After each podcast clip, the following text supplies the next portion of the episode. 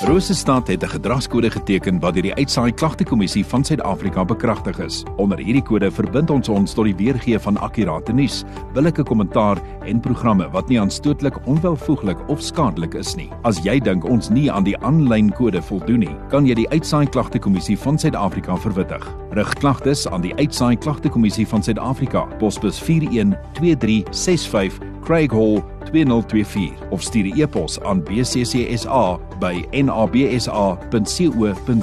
Vir verdere inligting, besoek www.bccsa.co.za.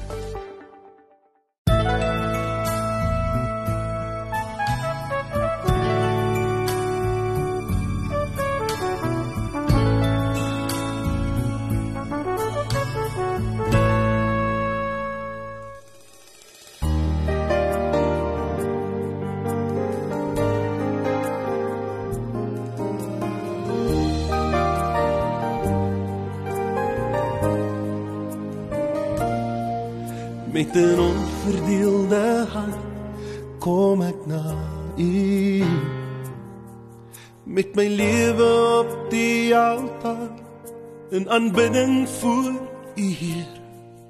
Met 'n onverdeelde hart kom ek na U. U is die eerste in my lewe. Daarom buig ek voor U neer. U is die Here van die Here. U is die koning van my hart. U is my lewe. Dis 'n onverdeelde hart.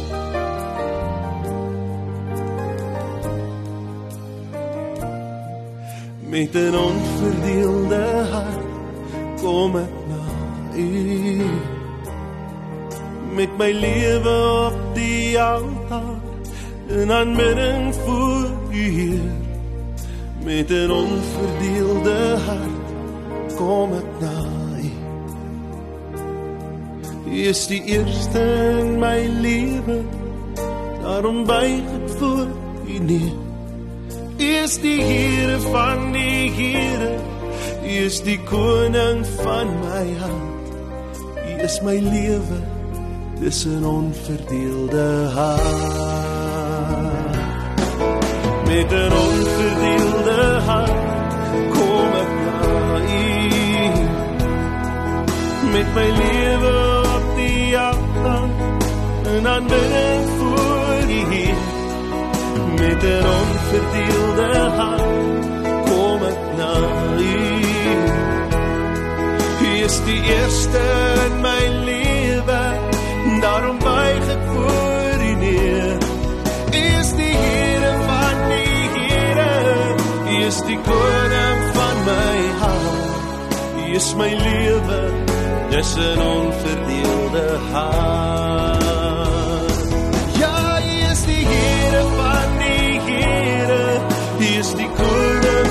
my hart. U is my lewe dis 'n onverdeelde hart. U is my lewe dis 'n onverdeelde hart. U is my lewe dis 'n onverdeelde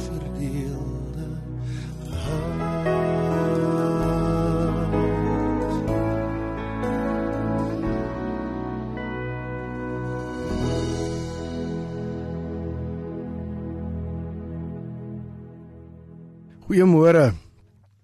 So vanmôre se gedeelte wat ons saam gaan lees is Matteus 21 vers 28 tot 33 en die tema is ja broer.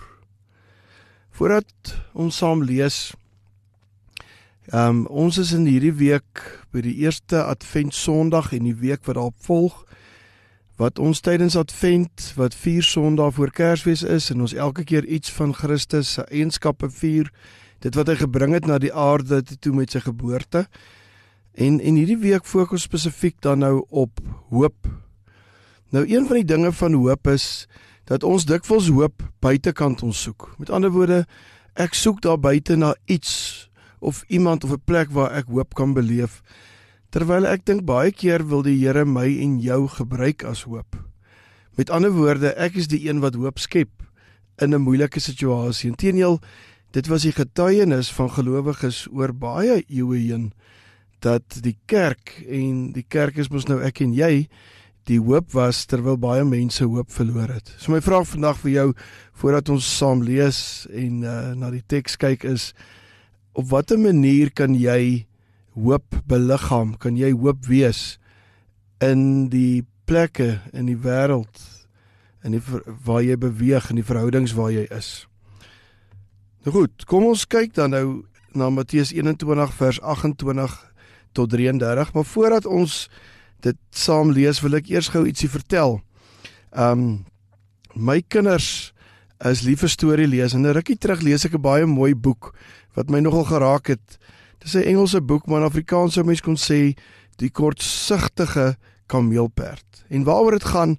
Dit gaan oor 'n kameelperd wat in die diereryk woon en wat regtig nie lekker kan sien nie. En dit veroorsaak dat hy 'n klomp skandes maak en 'n klomp goed vasloop en die diere wat vir hom baie omgee, het besluit hulle gaan vir hom 'n bril maak en hulle maak dan vir hom 'n mooi bril.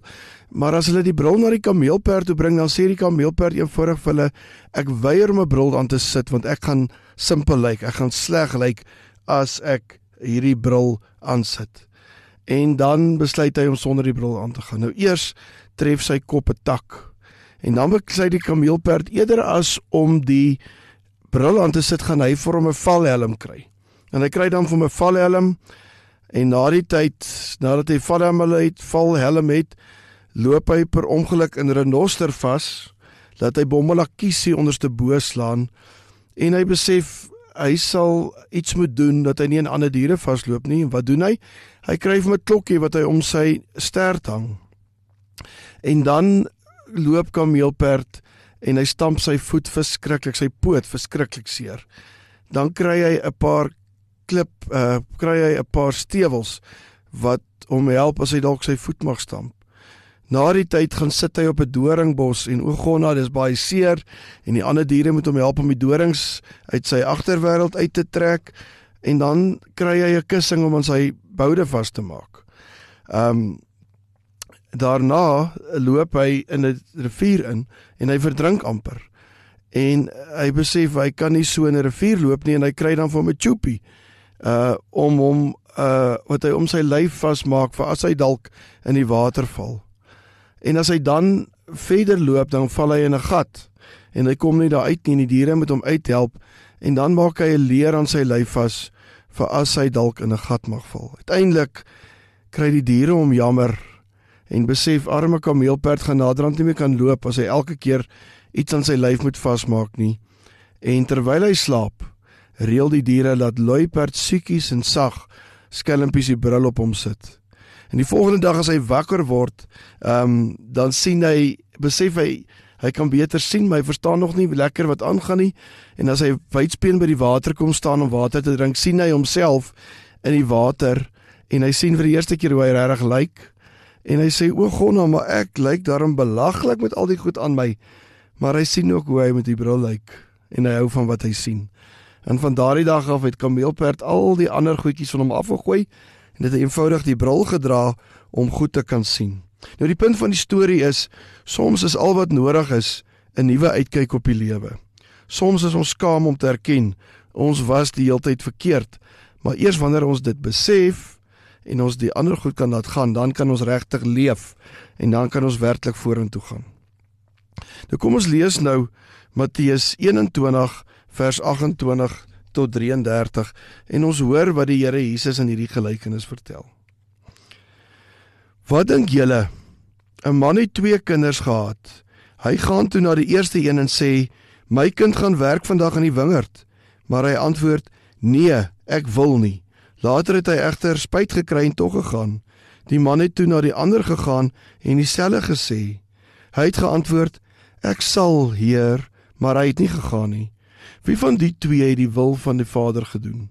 Hulle sê: "Die eerste een." Jesus sê vir hulle: "Amen. Ek sê vir julle, die tollenaars en die prostituie sal voor julle in die koninkryk van God ingaan. Want Johannes het na julle gekom met die pad van geregtigheid." En julle het hom nie nie geglo nie maar die tollenaars en die prostituie het hom geglo.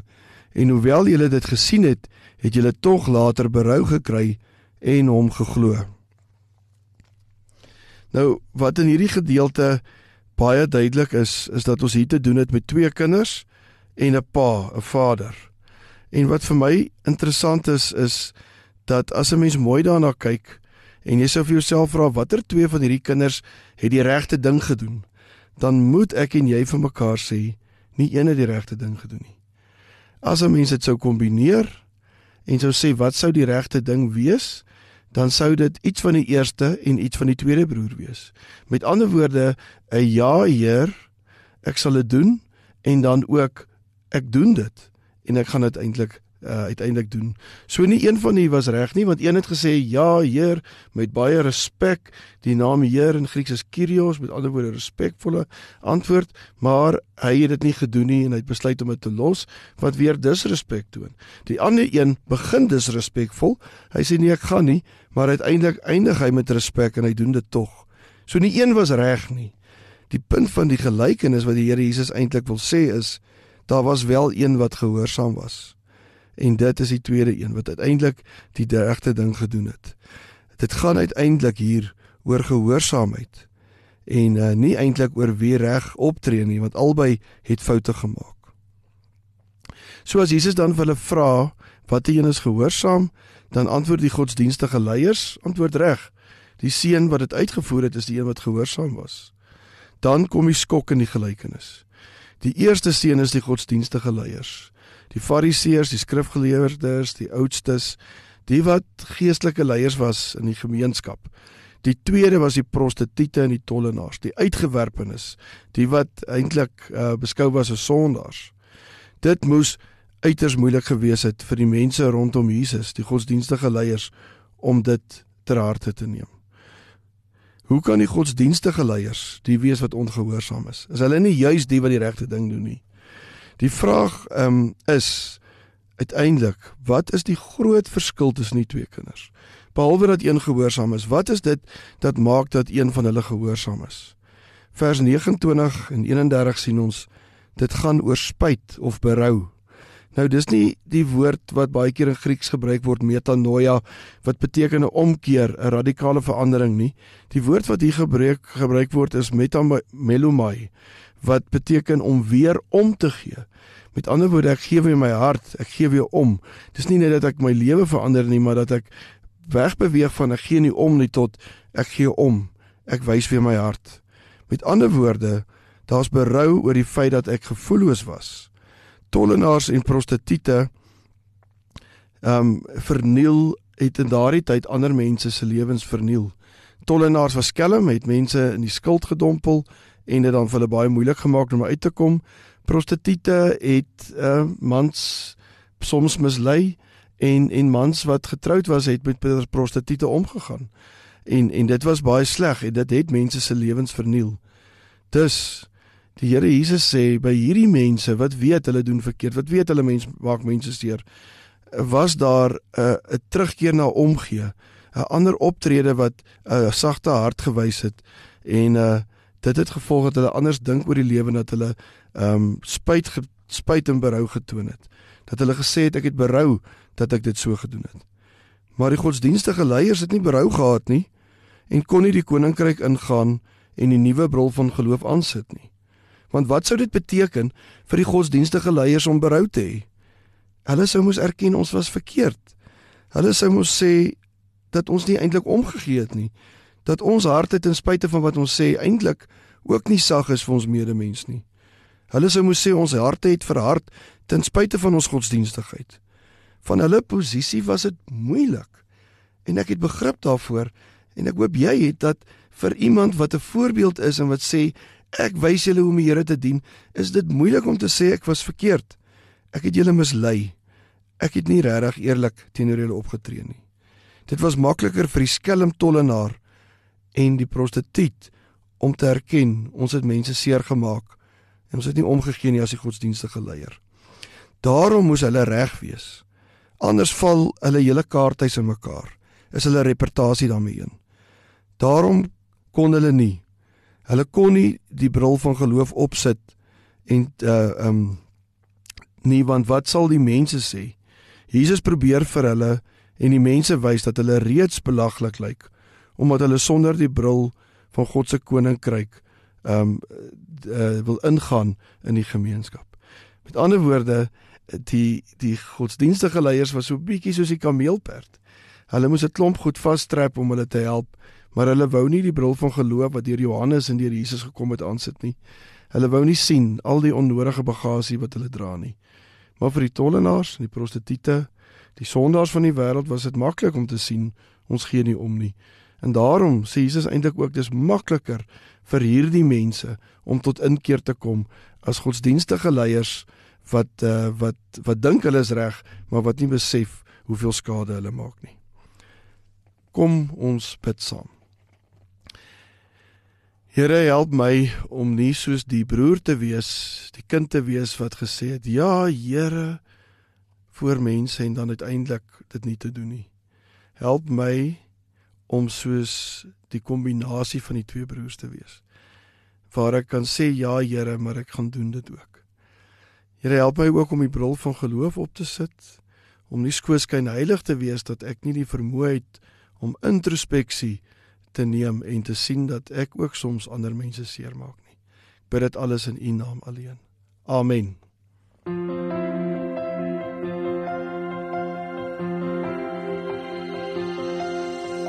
Ons weet goed wat sy naam is.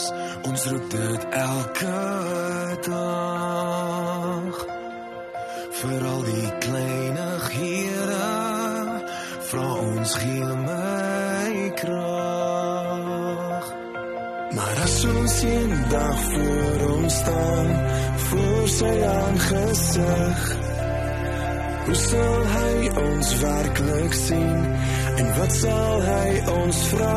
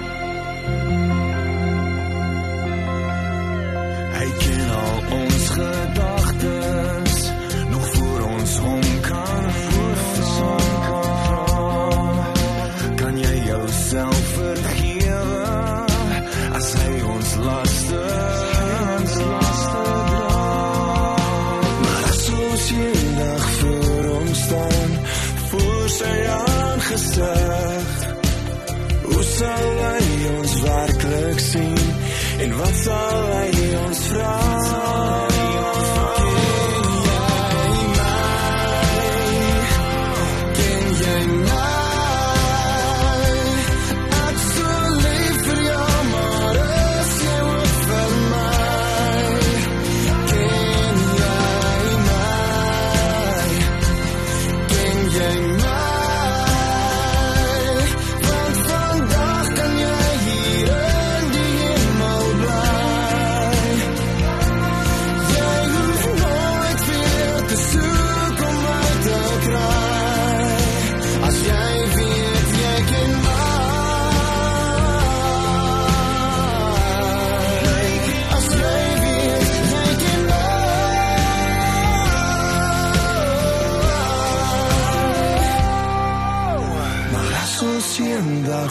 Voor ons staan, voor sy aangesig, hoe sal hy ons werklik sien en wat sal hy ons vra?